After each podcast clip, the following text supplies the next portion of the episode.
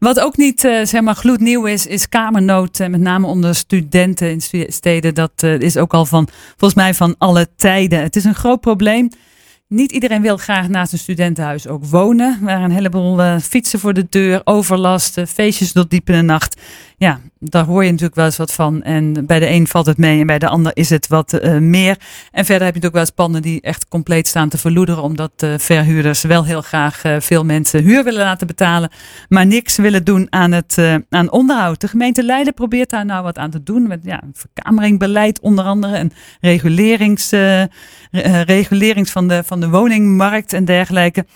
Ja, de Kamerstop van 2019, de verkamerstop, ja, dat was misschien wel een beetje de aanleiding voor de oprichting van de partij Studenten voor Leiden. Fractievoorzitter Mitchell Wiegand Brus luidt de noodklok over het verdwijnen van 50 studentenhuizen. En hij is bij ons in de studio. Welkom, uh, Mitchell. Goedemiddag. Ja, dat was natuurlijk een beetje, dat wel een beetje waar jullie mee begonnen zijn ooit, hè? Met uh, de verkamerstop die in 2019 werd afgekondigd. Ja, zeker. Ja, ik was uh, toen nog uh, een jaar of 19, 18, 19. En toen zat ik in de, op de tribune van de, van de gemeenteraadzaal te kijken naar hoe er werd besloten hoe mijn huis dicht zou moeten gaan. Uh, en ik heb toen ook twee keer moeten verhuizen uh, door de verkameringsregels, die dus later door de rechter van tafel zijn geveegd. Hm. En ja, daar uh, is eigenlijk het idee voor studenten voor Leiden wel begonnen. Ja. ja. Ja, dus je bent in die zin ook ervaringsdeskundige van, van dat soort dingen als, als de kamernood en dergelijke. Ja, nu is de aanleiding natuurlijk inderdaad wat ik net al zei. Hè, van ja, je hebt soms van die huizen met heel veel studenten erin, ehm, waar geen onderhoud wordt gedaan, waar de boel van loedert. Kun je je voorstellen dat omwonenden daar last van hebben? Ja, maar waar we het hier vandaag over hebben is iets heel anders. De woningbouwregulerende maatregelen, daar staan een heleboel goede voorstellen in. Een opkoopbescherming, eh, verhuurdersvergunning, zodat die verhuurder zich gaat gedragen. Ehm, dat zijn allemaal hele goede voorstellen.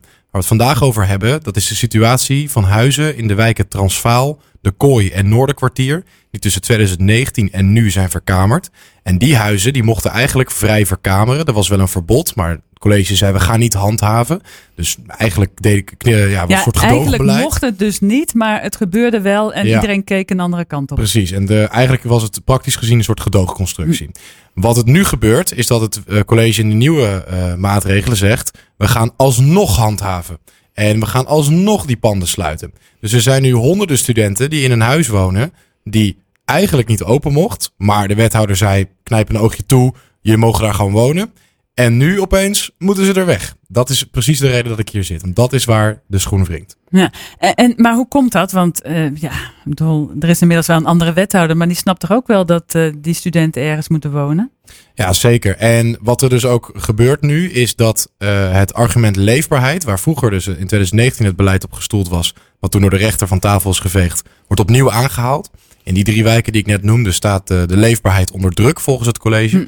Uh, Transvaal kan ik dat ook erg begrijpen. Dat is ook een lastige wijk wat dat betreft. Ja, het zijn ehm, allemaal hele kleine straatjes, hè? Een hele smalle stoepjes, als er al een stoep is. Ja, um, maar wat er ook in de rapporten staat die bijgevoegd zijn bij dit uh, beleid, is dat uh, alleen studentenhuizen sluiten niet leidt tot een betere leefbaarheid daar in de hm. wijk. Dus om zo rigoureus maar honderden studenten op straat te zetten, ja, dat vind ik toch wel een beetje ja, te kortzichtig eigenlijk. Hm. En ze moeten vooral kijken hoe kunnen we die leefbaarheid oplossen daar in die wijken. Gaan we hm. beter vergroenen? Gaan we kijken naar wat meer handhaving van die malafide verhuurders? Hè? Want daar, daar zit het probleem. Hm. Het probleem zit er niet in dat de studenten er wonen. Nee, nee oké, maar het is natuurlijk altijd wel. Ja, het, soms is het een beetje een kip-ei eh, verhaal natuurlijk. Hè? Want je kunt zeggen. Ik kan me ook voorstellen dat de gemeente zegt. Ja, maar we willen eigenlijk een beetje een schone lei beginnen. Gewoon zeggen van. We trekken een streep en vandaar gaan we verder uh, kijken. Omdat je anders ja, een ongelijke situatie ook in stand kunt houden. Ja, en die schone lei die is er. Het, in dit beleid is voorgesteld dat we alles eigenlijk gewoon legaliseren. Alles wat nu verkamerd is, wat nog geen vergunning heeft in de rest van de stad, dat gaan we legaliseren. Dat is die schone lei. Maar die 50 huizen in die drie wijken, die gaan we sluiten. Dan hm. denk ik, trek die schone lei dan door. Legaliseer ook die huizen en begin dan daarna met het handhaven van het verkameringsbeleid. En waarom moeten die huizen dan toch alsnog gesloten worden? Wat is daar dan het... Uh onderscheidende argument voor? Nou, wat ik net ook zei, hè, dat is dus het leefbaarheidsargument. In die wijken staat de leefbaarheid onder druk. Dus dan kiest de wethouder ervoor om die huizen tussen 2019 en 2023 alsnog te sluiten. Als een soort ja, symbool van we gaan de leefbaarheid daar aanpakken. Maar ik wil niet dat er honderden studenten op straat komen te staan, omdat we zogenaamd dan de leefbaarheid oplossen. Want in diezelfde rapporten waar de wethouder zijn beleid op stoelt, staat ook dat het sluiten van zomaar studentenhuizen niet per se een impact heeft op het Hm. verbeteren van de leefbaarheid. Niet, in ieder geval niet in, in die maat. Want wat zou er met die huizen dan moeten gebeuren? Nou, die moeten teruggebracht worden naar een woonvorm waar maximaal twee mensen op het adres eh, ingeschreven staan. Oké. En ja, dat is natuurlijk voor de meeste studenten waarschijnlijk ook niet eens betaalbaar. Nee, precies. En daar wringt ook precies de schoen, want het gaat hier dus om honderden studenten in een stad waar het kamertekort rond de 2.500 ligt. En dan om nog een keer honderden studenten eh, en honderden pa- of, eh, 50 panden te ontkameren. Ja, dat is eigenlijk gewoon precies haaks op het beleid wat we hier in de stad voeren. Namelijk, we faciliteren de studenten dat ze hier kunnen wonen. Nu ben je een, eh, een petitie gestart. Wat, wat hoop je daarmee te bereiken? Nou, ik wil laten zien dat het speelt onder jongeren. Dat jongeren dit echt zien en denken: ja, hallo, eh, dit gaat over mijn huis. Eh, dankzij de petitie heb ik nu ook contact met een aantal studenten die in deze huizen wonen. Ehm, die echt zeggen: ja, wat moet ik nu? Eh, ik krijg straks een jaar de tijd om een nieuw huis te vinden. Maar ik, ik, heb, met, ik heb 2,5 jaar gedaan om dit huis te vinden. Hoe moet ik dat nou straks dan doen? Die zorgen die wil ik tastbaar maken. eh, straks voor het debat dat we voeren in de gemeenteraad. Er zullen ook misschien mensen denken, ja, maar je speelt eigenlijk alleen maar die, eh, die verhuurders in de, in de kaart. Die, die eigenlijk gewoon niet hadden mogen verhuren. Ja, ja, dat kan je natuurlijk wel zeggen. Maar wat ik ook heb voorgesteld is, we gaan dus die verhuurders alsnog een boete geven. Want je mocht eigenlijk niet verkameren. Maar we geven ze wel de mogelijkheid om alsnog de vergunning aan te vragen. En dan moet je aan een heleboel eisen voldoen voordat je die vergunning krijgt.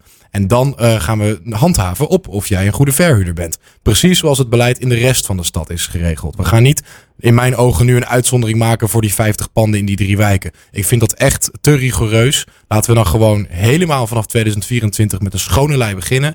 Alles gewoon nu legaliseren en dan gaan handhaven op de verhuurdersvergunning. Maar dat betekent dus dat, dat er dan misschien een aantal verhuurders toch nog geen vergunning krijgen. En dan staan die studenten alsnog op straat, toch? Nee, dan is de verhuurder dus verplicht om, eh, na het, eh, nadat hij die vergunning niet krijgt, om alsnog een, eh, nieuw pand aan te wijzen voor die studenten waar die vergunning wel op is. Dus het gaat, om, gaat erom dat jij straks als verhuurder je gaat gedragen. Hè, straks, wij hebben ook een motie ingediend voor een pandbrigade. Die gaat ook straks handhaven dat je eh, als verhuurder moet gaan verduurzamen. Daar zijn we ook heel trots op. Eh, dus wij pakken die pandjesbaas echt wel aan. Maar we moeten ervoor zorgen dat we die pandjesbaas aanpakken zonder dat er studenten op straat komt, komen. En dat is denk ik eh, het moeilijke probleem wat er nu voor ligt. En hoe denken de andere partijen in de raad daarover? Nou, ik heb eh, in de verkiezingscampagne goed geluisterd in 2022. En ik weet dat D66, VVD en het CDA het met ons eens zijn wat betreft losse verkameringsregels en het legaliseren daarvan. Eh, dus ik ben heel benieuwd hoe, eh, hoe zij naar deze regels kijken. Maar goed, we gaan het debat natuurlijk nog voeren. En ja, hoe, we dat gaan, hoe we dat gaan voeren, dat ligt aan de partijen zelf. Dus ik ben heel benieuwd.